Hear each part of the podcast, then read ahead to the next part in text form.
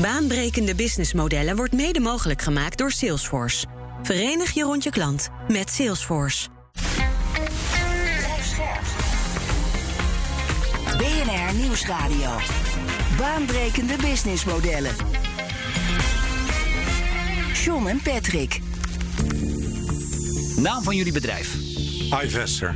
Hoe is het idee destijds ontstaan? Doordat ik er me realiseerde dat, ik, dat er geen liquiditeit mogelijkheid was in aandelenkapitaal van 99% van alle bedrijven.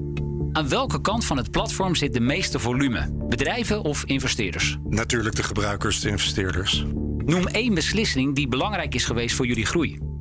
Um, ons focussen op het succes van onze klanten. En beste Gijs, welk probleem lossen jullie eigenlijk op? Wij maken het mogelijk voor bedrijven dat ze meer kunnen doen met hun aandelenkapitaal. Over bedrijven die zichzelf opnieuw uitvinden en nieuwkomers die bestaande markten opschudden. Dit is BNR's baanbrekende businessmodellen. Met mij, John van Schaag en Patrick van der Pijl. Onze gast is Gijs Dalemeurs, de co-founder van iVestor. Van harte welkom. In de kern, hoe werkt het? Um, we zijn een software as a service platform waarop bedrijven de mogelijkheid krijgen om dus meer te doen met hun aandelenkapitaal. En dat begint bij het digitaliseren. Dus wij geven de empowerment aan onze klanten, de iVentures, de bedrijven die erop staan. Geven we de mogelijkheid om die aandelen te digitaliseren. En daarbij brengen ze dan 1 of 100% in van hun bedrijf in een andere entiteitsvorm. Meestal is dat een coöperatie. Dat kan ook een stichting administratiekantoor zijn. Of je kan je NV erop digitaliseren. En twee termen die mij dan meteen te binnen schieten: crowdfunding, equity crowdfunding en MPEX. Wat zijn de verschillen? MPEX is een MKB-beurs, dus die heeft echt de oude traditionele opzet van een beurs. En wij maken het veel meer mogelijk dat, die, dat het bedrijf zelf zijn eigen mogelijkheden kan instellen in welke mate het een beurs wil zijn of niet. Um, en dan is het niet een beurs zoals een beurs gekend is, maar meer een marktplaats zodat die liquiditeitsmogelijkheid uh, mogelijk is. Check. En in verhouding met equity crowdfunding houdt er dus ook in dat het veel dimensionaler is, omdat we de hele lifecycle van het aandelenkapitaal faciliteren op ons platform. En nou. zodoende hebben we ook meerdere transactietypes dan wat je in een gemiddeld crowdfunding platform of een beursachtig platform kan vinden. Negen stuks, klopt dat? Uh, 9 à 10, ja. ja. Hey, en wat voor soort bedrijven gaat dat? Um, zijn het in de regel toch vooral start-ups en scale-ups of kan het ook een slagerij om de hoek zijn? Onze missie is zeker om het eenvoudig en laagdrempelig te maken voor elk bedrijf om zijn aandelenkapitaal te digitaliseren en het te inzet, in te zetten zoals dat hem of haar uitkomt. Ons hoogste doel is dat inderdaad jouw moeder het leuk vindt om bij haar kapper te kunnen investeren. En tegelijkertijd dat een bedrijf er iets mee kan doen waar die traditioneel gezien die waarde totaal niet erkend kreeg. Nou, we zijn natuurlijk heel benieuwd hoe jullie dat hebben georganiseerd. Dus we gaan in deze uitzending dat platform wat beter leren kennen. Dat platform, Patrick, wat jij uh, de afgelopen dagen ook hebt bestudeerd. Um, wat vind je ervan? Wat is je eerste indruk? Ja, ik werd op een verkeerd pad uh, gezet. Want ik keek naar iVester met een i. En dit gaat iVester met I in Engels voor ogen. Ah. Dus voor ons luisteren is ook wel belangrijk. Naar welk platform ga je heel kijken? goed. Het voelde als een uh, heel glad uh, platform wat leek op Rabobank en uh, met vol met spelfouten. Dus dat, dat, is iets niet. anders. Ja, dat wil je niet. Grappig, ik kende dat niet eens. Ik ging naar dit platform en wat wel opviel is dat we kwamen boerschappen tegen. Kennen wij, hebben we een aantal weken geleden gehad. Ja, en wat me opviel is dat er zit echt wel wat technische informatie ook in. Dus uh, ja, voordat je zo'n uh, prospectus neer gaat leggen. Um, ik vond het wel fijn gepresenteerd. Want als je naar het gemiddelde businessplan gaat kijken, dat is niet om aan te zien. En dit was echt netjes uh, en, goed en overzichtelijk gepresenteerd. Ik vond het jammer dat sommige bedrijven die zijn dan gesloten. En dan mag je er niet meer in kijken. Terwijl je bent geïnteresseerd. Er was ook een slagerachtig concept. Denk, ja, dan wil ze wel weten hoe dat zit. Um, en het andere stukje is um, proberen wel te zoeken van hey, wat is het nou precies? Want het is ook wel ingewikkeld. Want het ene bedrijf die heeft zoveel aandelen in die dit. En die heeft zo'n uh, winstverwachting. En dan probeer je een beetje te zoeken van... hey, hoe ga ik nou uiteindelijk een beslissing nemen? Ja, dus aan de ene kant um, nou, wel hoopvol, enthousiast... maar ook wel wat vragen van wat krijg ik hier nu eigenlijk voor? Ja, en dat komt ook wel weer natuurlijk terug bij die uh, platform. Hè. Dus als je aan de ene kant gaat kijken van welk probleem los je nou op voor beide doelgroepen. Dan vroeg ik me ook af van hey, hoe groot is nou uiteindelijk het probleem voor de mensen die willen investeren en die dat dan in zo'n clubje doen? En hoe groot is het probleem aan de kant van de ondernemers? omdat je uiteindelijk een stukje kapitaal zoekt. En, ehm, Zullen we dit, nou misschien, ik zie je al een beetje onrustig worden, dus reageer anders meteen maar even. nou ja, wij denken dat het een megaprobleem is, want bedrijven zouden veel meer met hun aandelenkapitaal moeten kunnen doen. Dat helpt hun solvabiliteit en hun liquiditeit. En wij zien het vooral ook dat uh, een ondernemer elke dag bewust of onbewust opstaat om waarde aan zijn aandeel te creëren. En in mate is dat dus eigenlijk zijn allerbeste product wat hij heeft. En daarmee is verbondenheid en uh, een hele belangrijke. En als je dan ook kijkt naar de klanten die we daarop hebben, waarvan Boerschappen, Nederland hele goede voorbeelden zijn, dan zijn dat partijen die al vanaf dag één heel erg naar de keten en het ecosysteem kijken. En daar hoort een stakeholder als een klant bij. En de ultieme vorm van dat stakeholderschap is ambassadeurschap in de vorm van een mede-eigenaarschap. Laten we dat nu eens uh, duidelijker maken aan de hand van een van jullie lopende projecten, Fountain Fuel. Ja. 3,5 ton van de beoogde 6,5 ton is nu opgehaald. Aandeel is vanaf 2000 euro. Er zijn ongeveer 155 investeerders, zag ik staan. Um, bij crowdfunden heb je een looptijd. Hoe werkt dat hier? Ja, iVestor is echt bedoeld om de menselijkheid te vergroten. En daarmee willen we ook echt dat er bilateraal gehandeld kan worden. Dus dat ieder zijn eigen verantwoordelijkheid neemt in de stakeholderrol die ze daarin vervullen. Uh, en uh, um, daar zit dus in feite geen looptijd aan. En elke transactie is ook een bilaterale transactie. Dus het prewerk wordt meestal gedaan dat die entiteit opgezet wordt, dat die aandelen gedigitaliseerd worden. En hoe lang ze er vervolgens over doen, is aan hun. Ah, Oké, dus bij crowdfunden heb je een bepaalde looptijd Wordt, die niet, wordt het bedrag niet gehaald, dan gaat de hele crowdfunding-campagne uh, wordt in feite afgeblazen. Dat is bij jullie dus niet het geval. Nee, de, de, de, de, onderneming kan nog steeds voor zichzelf zeggen: als ik geen twee ton heb opgehaald, dan kan ik mijn ding niet verwezenlijken. Dus uh, dan ga ik mijn positie terugkopen van jou. En dat recht behoud ik dan. Nou. Daarmee kan hij wel dat minimale doel instellen. Maar in de basis wordt elke transactie één op één afgehandeld. En ook zo qua geld overgemaakt aan die ondernemer, zodat hij ook er meteen wat mee kan doen. Hoe helpen jullie um, zo'n ondernemer aan het plegen van marketing? Want zo'n project moet natuurlijk bekendgemaakt worden. Uh, hebben jullie daar nog tools voor? Nou, we hebben niet specifieke tools. Die 20.000 gebruikers die we nu hebben, dat zijn echt allemaal mensen die mee zijn gekomen met die bedrijven uh, en daarin mee zijn gegaan. Um, we hebben partners. Uh, we zijn een ecosysteem aan het bouwen van partners uh, die deze bedrijven begeleiden. Want de gemiddelde ondernemer, dat is wel iets wat we geleerd hebben in de afgelopen paar jaar. Ja, die, die, die heeft daar geen kennis en weet van bij alle stappen die daarbij komen kijken. Hij kan goed zijn in zijn marketing, goed in zijn, financi in zijn financiën, maar dan weer niet in de juridische opzet. Ja. En alle keuzes en mogelijkheden die Over die rol van die partners, hebben. daar wil ik straks inderdaad nog iets meer over horen. Stel nu dat eh, Patrick en ik allebei uh, aandelen willen hebben van dat bedrijf bedrijf, Fountain Fuel. Um, en vervolgens willen wij daarvan af, na ongeveer een half jaar. Hoe werkt dat dan? Want er is niet iets zoals een beurs. We zijn heel erg een transactioneel platform. En daarmee heeft elk bedrijf de mogelijkheid om een marktplaats aan of uit te zetten. En hij is daartoe bevoegd om dat te doen en te beslissen wanneer. Maar als jij ineens je, je marktplaats gaat uitzetten zonder aankondiging. en er zijn 3000 mensen die daarop uh, uh, die mede-eigenaar zijn. Dat is niet handig. Nee, dat is niet handig. Maar betekent dan dat ik het wel dan kan verkopen weer aan John? Uh, als ik aandelen Als de marktplaats open staat van okay. bedrijf. Dus als je boerschappen neemt, die heeft uh, februari heeft hij zijn funding opgehaald. Maar die heeft daarbij ook meteen gemeld. Tot februari 2024 ga ik niet de marktplaats openzetten. Dus tot die tijd ah, zit jij vast in, in jouw stukken. Daarna ga ik het openzetten. En we, we hebben die marktplaats zelfs zo ontwikkeld dat een organisatie kan bepalen, als hij dat zou willen, wat de midprice is en tegen welk percentage er verhandeld kan worden naar boven en naar beneden. Want het, het, is heel leuk dat jij het voor 12 euro aan Patrick kan verkopen. Maar als ik als bedrijf denk dat ik maar 6 waard ben. Hè, en, en, de, en de goede gemeente vindt dat ook. Dan uh, is er een hele hoge verwachting bij jou. Die niet nageleefd wordt. En ondertussen loopt Patrick heel happy weg met zijn geld. Wat ik me afvroeg op de, op de website is dat als je um, uiteindelijk met die start-up scale-ups aan de slag bent. Um, dan weet ik ook uit eigen ervaring, maar ook uit opdrachten die we samen deden met ING. Dat het natuurlijk moeilijk is voor die bedrijven om uh, de begroting te halen. Omdat je natuurlijk allemaal net aan het starten bent. Het businessplanningsproces is iets anders dan uh, wat je dat doet na een paar jaren. Ik vroeg me af hoe kun je dan uiteindelijk waarborgen dat je, uh, je zegt ik 40% keren we uit als dividend bijvoorbeeld. Um, hoe zie je dat die ontwikkeling bij die start-up scale-ups in de betrouwbaarheid van dat patroon te kunnen invullen? Nou, daar zie ik wel een deel van onze rol om die, om die bedrijven daar af en toe aan te herinneren. Hè, dat ze ook uh, uh, hun best doen. Maar uiteindelijk, het is een nieuwe asset class voor mensen om in te investeren. Onze bedoeling is dat mensen investeren omdat ze vinden dat ze bij dat bedrijf horen. Omwille van de missie of uh, andere dingen. En niet puur en alleen om dat, om dat financiële gewin.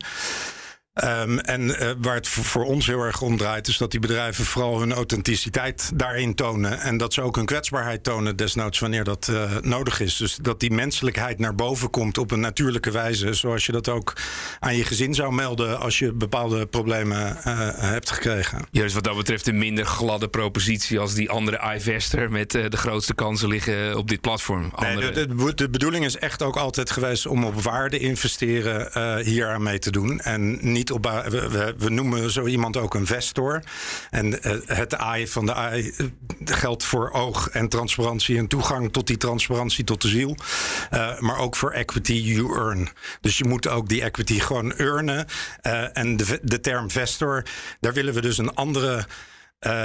Definitie aan geven dan die van investor. Als vestor ben je meer betrokken dan enkel bij het financiële gewin. Dat is de hele bedoeling ervan. Je hebt dit platform opgericht in 2014. Ik kan me voorstellen dat je dat ook eerst gevalideerd hebt in de markt. Dat je dat eerst bent gaan testen. Hoe heb je die reis aangepakt? Nee, wat dat betreft ben ik denk ik gewoon te koppig en te eigenwijs. Um, ik heb meer een Henry Ford uh, approach genomen. Um, Oké, okay, onder van, het mom, uh, als ik mijn klanten zou vragen... Ze willen niet meer paarden, ze willen een auto. Alleen ze zijn er nog niet bewust van. En uh, Apple is daar meester in geweest natuurlijk. Maar, um, maar nee, kijk, dit was echt Patrick, 100% ingeving. Hij heeft gewoon helemaal niets gevalideerd. Ik bedoel, ja, als mooi, hij eerst bij jou terecht was gekomen... had je hem dat waarschijnlijk afgeraden. De eerste vraag die je moet stellen is welk risico wil je lopen? En um, afhankelijk daarvan ga je ook wel of niet valideren. Een ander punt is ook wel als je een bepaald uh, gevoel daarvoor hebt, um, dan um, kun je er ook dichtbij blijven en zeggen van nee, ik zie echt hier een, uh, een oplossing. Ik vind een ander punt ook wel dat er te vaak wordt gegrepen naar het woordje valideren. Want het lijkt er al alsof alles verklaard kan worden. Uh, en dat is niet zo. Je kunt niet continu blijven testen en denken dat dat werkt. Kijk, wat ik hier interessant aan vind, is als je nadenkt over uh, validatie. Er is een heel sterk bewijs dat uh, door die verdere digitalisering uiteindelijk ook um, het democratiseren van eigenlijk aandelen van MKB, dus het uh, beschikbaar maken daarvan, daar zit echt absoluut waarde in. En um, dan is meer de vraag van op welke manier gaat dat ze beslag krijgen. Dus ik vond het wel mooi dat uh, Gijs dat zei. Ik dacht eerst, ik had het niet van de website begrepen, maar als ondernemer je aandelen digitaliseren, dat is wel echt een ding. Want dan maak je dus beschikbaar voor anderen. Heb je dus niet het gedoe dat je naar een investeerder moet uh, zoeken, die dus wel op zoek is naar uh, winstmaximalisatie. En dan krijg je ineens een baas erbij. Dus in die zin zie ik het ook wel als een oplossing. En dan is het maar net de vraag wil je nog valideren tegen een bijvoorbeeld exponentiële grote groei? Uh, of zeg je nou, ik heb wel voldoende vertrouwen dat ik dit gewoon ga doen? Maar dan ben ik wel benieuwd, als je dat niet gevalideerd hebt, dan heb je ongetwijfeld sinds de start in 2014 bepaalde dingen moeten aanpassen. Naar aanleiding van feedback van gebruikers bijvoorbeeld. Nou ja, de complexiteit die erbij kwam kijken, die heb ik natuurlijk massaal onderschat. Ja, gelukkig maar. Anders was je er misschien nog aan begonnen. Uh, nee, totaal. En, en kijk, mijn beste vorm van validatie was eigenlijk een huis wat ik ben gaan verhuren via Airbnb. En daarin realiseerde ik mij dat Airbnb op bilaterale wijze een heel mooi platform bood. Waarop de, de ondernemer, de host, empowered was om, uh, uh, om zijn kamer te vuren, zijn asset, uh, om daar een prijs op te krijgen. En dat helemaal zelf mocht bepalen en indelen. En ja, dat heeft wel geleid tot de gedachte dat ik op een dag dacht: hé, hey, dit moeten we ook voor aandelenkapitaal doen. BNR Nieuwsradio. Baanbrekende businessmodellen. Met deze keer het businessmodel van iVestor. Het platform maakt equity vrij voor MKB-bedrijven en doet dat door aandelen uit te brengen. Straks horen we hoe ze het verdienmodel hebben ingericht. Maar eerst, wie is binnen je bedrijf in charge of innovation? Patrick, de website Fast Company definieert rollen voor meerdere personen. Ja, dat zie je ook in de praktijk wel uh, afhankelijk van de aard van onderwerpen voorbij komen. Dus uh, zij geven aan van hey, de verantwoordelijkheid ligt uh, bij de CTO dus de Chief Technology Officer. Maar in de praktijk uh, wordt er dan wel vaak te veel van zo iemand verwacht. Dus uh, het is op zich logisch. Ja. Ik weet dat Ralf Hamers van uh, ING destijds zei: um, uh, We zijn een technologiebedrijf met een banklicentie. Ja, en uiteindelijk heeft technologie zoveel invloed. Dus het is heel logisch dat hij een ongelooflijk belangrijke rol daarin uh, speelt. Maar um, dat betekent niet dat de businesskant daarbij vertegenwoordigd is. Want je kunt niet alles in, met IT oplossen. Nee, dus in feite zeggen de auteurs van dat stuk... je zou eigenlijk meerdere rollen moeten definiëren. Te beginnen met de CDO, de Chief Data Officer. Ja, voorbeeld als je nu um, een systeem op gaat zetten. Uh, nou, kijk ook maar bijvoorbeeld uh, iVester. Uiteindelijk wil je dan ook wel weten, um, kunnen wij die vervolgklanten erop blijven aansluiten? En wat leren we daarvan? Dus dat betekent ook dat je hele databeschikbaarheid echt wel heel goed moet organiseren. Want anders heb je daar straks ongelooflijk veel problemen mee om die te kunnen ontsluiten. En vaak denk je dan met innovatie, het spelletje is om het op de markt te brengen. Nee, dan begint het pas. Dus vandaar die Chief eh, Data Officer. Ja, dus ook een heel belangrijke rol voor hem of haar. En er is ook een rol weggelegd voor de CFO. Eh, in deze context de Chief Funder Officer. Ja, en wat mij wel opvalt is dat uh, die CFO's toch wel heel vaak aan de innovatiekant zitten. En dat zou je misschien niet van die personen verwachten. Maar van de CFO wordt ook wel verwacht een soort innovation accounting. Want de kosten die je dit jaar maakt, heb je niet meteen terugverdiend. Dus die moet ook wel echt meedenken om een lange termijnvisie te hebben. En te weten van hé, hey, wanneer gaan we dit uiteindelijk in de boeken uh, terugzien. Dus die heeft daar echt wel een, uh, een stevige rol. En zie je dan ook dat zo'n CFO eerder geneigd is om te zeggen: laten we een ander bedrijf overnemen. Want dan kunnen we redelijk uit, goed uitrekenen wanneer we dat gaan terugverdienen. In plaats van zo'n onzeker innovatietraject aan te gaan. Nou, ik denk dat het landje veroveren zit eigenlijk altijd wel bij de CEO. Er zal een CFO nooit 1, 2, 3 aan beginnen. Alleen waar zij wel naar kijken is, um, kunnen wij uiteindelijk de innovatie funnel nog betrouwbaarder en voorspelbaarder maken. je ziet bijvoorbeeld bedrijven als een IKEA, die doen dat echt heel zorgvuldig. Uh, bedrijven als een Heineken ook. Dus die kunnen echt wel redelijk goed uh, voorspellen wanneer een bepaalde innovatie genoeg substantie heeft en wanneer het op de markt uh, komt. En ik zie ondertussen Gijs Dalemeurs van iVester wat uh, onrustig op zijn stoel bewegen. Jij wilde daar nog iets aan toevoegen?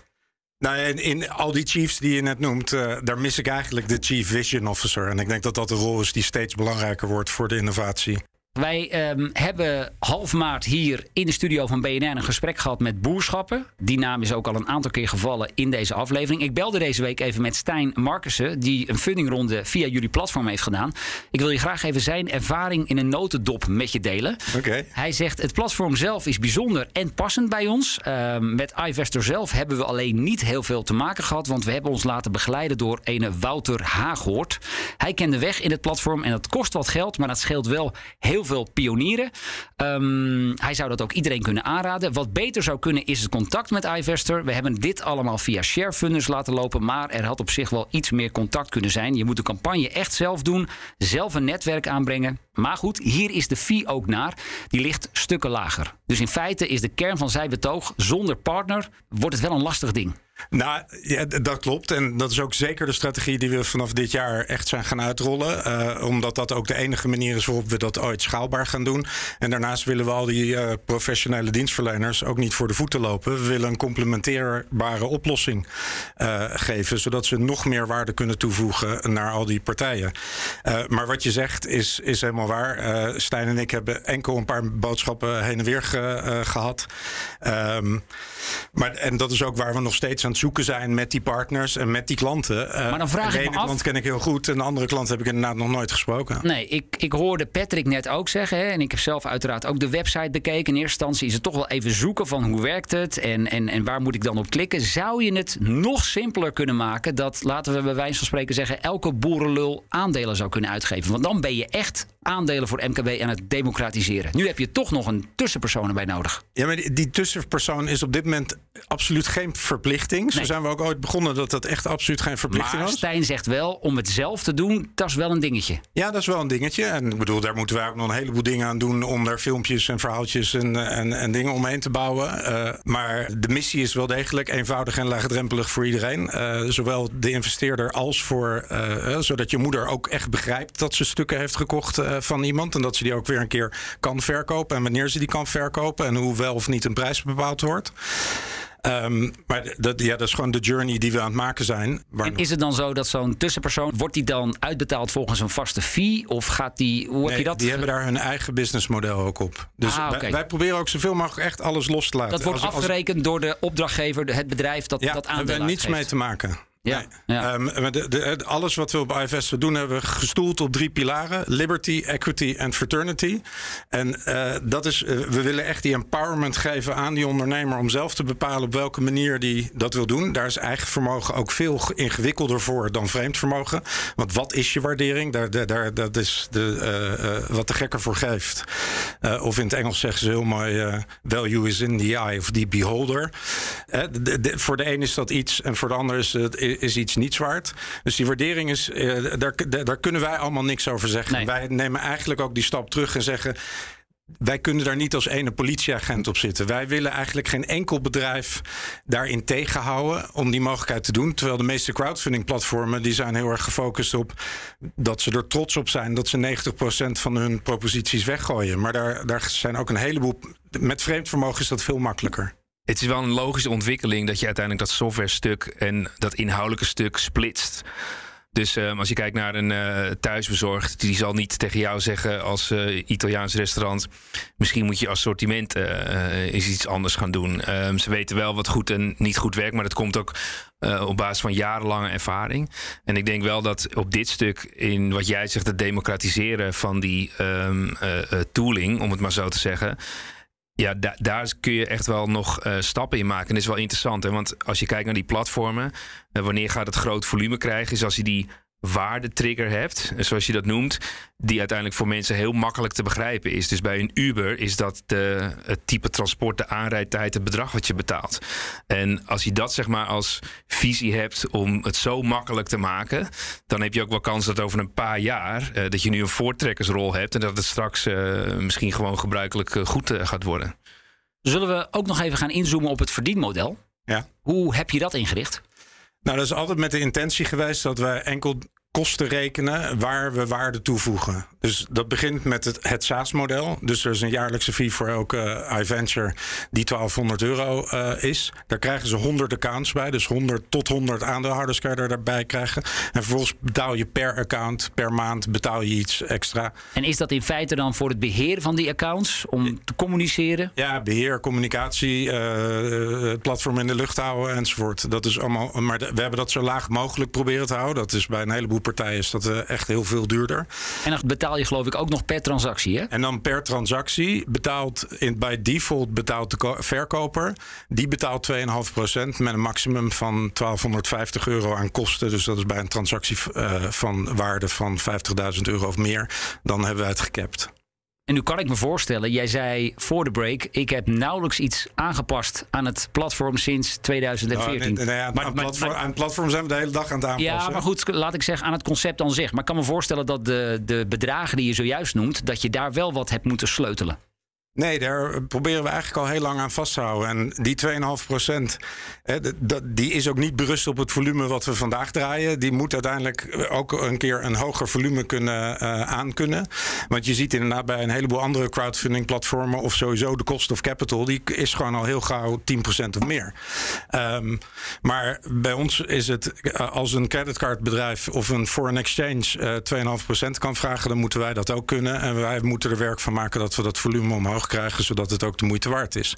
En waar wij, kijk, uiteindelijk op dat ene aandeel kunnen we meerdere keren wat verdienen, doordat iemand het weer verkoopt uh, en dan weer verkoopt en dan verdienen we het weer. Maar degene die daar het geld voor ontvangt, die betaalt er dan voor. Patrick, klinkt dit voor jou als een uh, logisch verdienmodel? Kijk, in zo'n platform krijg je de vraag aan welke kant ga ik geld verdienen? Is dat dan de ondernemerskant of aan de investeerderskant. Uh, en in dit geval kan het dan ook uh, beide. Alleen de waardekant zit aan de kant van de ondernemer. Dus dat noem je dan de producent van waarde. Dus dan is het ook logisch dat je daar een bedrag op zet. Alleen dat moet je dus niet te hoog doen, want dan heb je dus te weinig aanwas in klanten. Dus het is een continue balans tussen het kip-ei, of zeg maar de ene en de ander blijven uh, faciliteren. En ook ja, durven zetten op zo'n prijscap. Het is hetzelfde bijvoorbeeld als uh, swapfiets. Ja, je kunt die bedragen niet in het begin meteen heel hoog gaan zetten. Het gaat toch op uiteindelijk ergens een marktwaarde zien te vinden. Dan vraag ik mij tot slot nog wel af. Jullie bestaan al eh, redelijk lang. Ik kende het hiervoor niet. Terwijl ik toch al wel wat jaren meega, ook in het zakelijke segment. Zit daar misschien ook jouw grootste groeibelemmering? Stukje bekendheid? Nou ja, nogmaals, we focussen op het succes van onze klanten. En we willen op die manier organisch uh, naar dat succes groeien. En natuurlijk, uh, uh, een aantal van die klanten die weten heel goed de PR te bereiken. wij zelf ook steeds beter. Maar de vraag is, als jij, laten we zeggen, hier tien start-up, scale-up ondernemers op een rijtje zou zetten. En je zou aan al die tien vragen, iVester, ken jij het? Hoe gaat dat worden, denk je? Nou, ik denk dat dat steeds beter wordt. Maar van mij hoeft het niet harder dan het is. Want uh, wij groeien hard genoeg voor de resources die we op dit moment daarin hebben. Uh, en de partners die we daarin hebben. Want daar ligt eigenlijk op dit moment de grootste bottleneck. We hebben er nu vijf. Die serieus bijna, voor zover ik weet, fulltime met IFS bezig zijn. Maar dat uh, is wel degelijk de bedoeling dat dat binnenkort vijftig worden. En er zijn ook wel mooie partijen waar we daarover mee in gesprek zijn. Maar daar hoort een heel educatietraject bij. Want ja, het, het is voor niemand in één keer zo maar even volledig te begrijpen. Nee, want platformen hebben tractie nodig. Dat hebben we de afgelopen afleveringen. We maken nu al bijna 65. Hebben we dat wel geleerd. Um, op de website zag ik 12 geslaagde projecten staan. Jullie Ja, dat- hebben er denk ik wel, wel iets nee, meer dan dat. dat. waren misschien een paar casussen. die Oh, Oké, die hebben jullie uitgelicht. Ja, nee, maar als je op onze iVentures pagina gaat, en ook dat als voorbeeld, die iVentures pagina is een pagina die wij ter beschikking stellen, maar waar elk bedrijf weer voor zichzelf beslist, ga ik hier wel of niet mezelf zichtbaar stellen. Zo kwam Patrick Ja. ook een paar private eh iVentures ja. tegen die wel zeggen, ik wil wel zichtbaar zijn, dat ik, dat ik op iVestor sta, maar ik wil niet dat jij zomaar toegang hebt tot alle informatie die ik Laat ik de vraag dan anders stellen. Hoeveel betalende klanten heb je? het nu, nu 70 eh, plus. En eh, we, we hebben er een stuk of twintig via de partners in implementatie. Maar de een duurt echt twee weken en de ander duurt eh, zeven maanden. Maar die snap ik wel, want die eh, data, ik keek naar boerschap en dan denk ik, zou ik als met mijn bedrijf de omzet zo daar zichtbaar op laten zetten? Dacht ik, oh, dat is wel een dingetje. Ja, Ja, dus- nee, maar dat kan je dat is ook wel een- per tabblad kan jij instellen wie wat mag zien wanneer. Ja, ah, oké, dat is wel Dus- slim. dus- Want dat dus- is bij, bij crowdfunding is dat ook wel een, een lastige hobbel. Hè, waar veel ondernemers toch een beetje bang van worden. Dat je meteen al je omzetgegevens op straat gooit. Ja, maar dat is. eh, eh, sommige klanten hebben mij heel goed geleerd dat je je vooral kwetsbaar moet opstellen, maar dat je niet per se te bescheiden hoeft te zijn. En dat dat het, de sleutel tot het succes is. En wat mij betreft is dat ook weer onderdeel van die definitie van die menselijkheid eh, die we met z'n allen hier nastreven. En en Gijs, denk je, als je het hebt over die, het nog verder ehm, democratiseren, dus mogelijk maken. Denk jij dat er over vijf jaar bijvoorbeeld bij jou op het platform is van... hé, hey, we hebben deze eh, bedrijven en ik heb vijf verschillende eh, opties... in eh, hoe- je hieraan ehm, eh, kan bijdragen. In optie 1, die doet wat meer dividend. Optie 2, eh, iets minder. Ehm, dat het naar een soort standaardisatie toe gaat.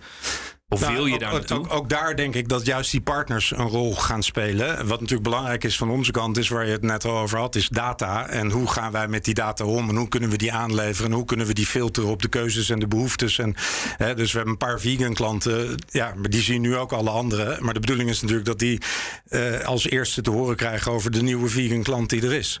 Eh, dat is waar we er werk van moeten maken. En tegelijkertijd proberen we die partners op te voeden. Wij zien onszelf als de Intel Insight. Hè, een stickertje op de computer die, waardoor je wel besloten hebt: ik wil Intel, maar nog niet eens weet welk merk je wil. Nou, die partners zijn die merken, die zijn de Dell, de HP's enzovoort. En wij moeten die Intel worden, die betrouwbare club waar iedereen dat op wil doen. Maar de ene partner zal zich heel erg focussen op de waardering, de andere op de governance, de andere op de marketing. Eh, eh, En dan laat je de partners nog een fee afrekenen of... of eh, nogmaals, die hebben met die bedrijven allemaal hun eigen afspraken. Ja, nee, die begrijp ik. Maar bijvoorbeeld, is, omdat zij ehm, de data erop zetten op jouw platform, eh, is dat dan ook een. Hebben zij dan een, een, een account of iets nodig? Of doen ze dat dan namens die partijen? Nee, dus we hebben nu een onderdeel ontwikkeld eh, waar onze partners op te vinden zijn. Die hebben hun eigen profiel. En een partner en een klant kunnen met elkaar gelinkt worden. En wat ik in de toekomst zie is dat we een branded versies van ons platform krijgen. Zodat ze ook daar hun eigen eh iVentures op kunnen positioneren en kunnen vermarkten. Oh ja, ja. ja. eh, eh, naar hun groep van investeerders. Want de ene investeerder zou gaan zeggen: ja, ik sta altijd achter wat deze partner aan het doen is. Eh, dus daar ga ik in mee. Dat dus uiteindelijk beetje- zal die ehm, de waardering vanuit een investeerder, of die wel of niet gaat, of de afweging zijn ook gebaseerd op een partner die een bepaalde track record heeft. Ja, dat is een beetje de visie Ja. die er is. En tegelijkertijd dat iemand denkt, net als bij Airbnb of bij Booking, dat hij denkt van eh, eh, ik heb nog wat te investeren. Welk bedrijf is er leuk naast mij? Eh, hè? Op een gegeven moment ook dat je gewoon kan zeggen, oké, ik ben alleen maar op zoek naar een restaurant in Utrecht omdat ik daar woon. Gijs Dalen-Meurs van iVester, dankjewel. Leuk dat je er was. Patrick en ik zijn er volgende week weer. En wil je voor die tijd al meer luisteren? Check dan ook onze andere afleveringen via bnr.nl, de BNR-app of je favoriete podcastplatform. Baanbrekende businessmodellen wordt mede mogelijk gemaakt door Salesforce. Verenig je rond je klant met Salesforce.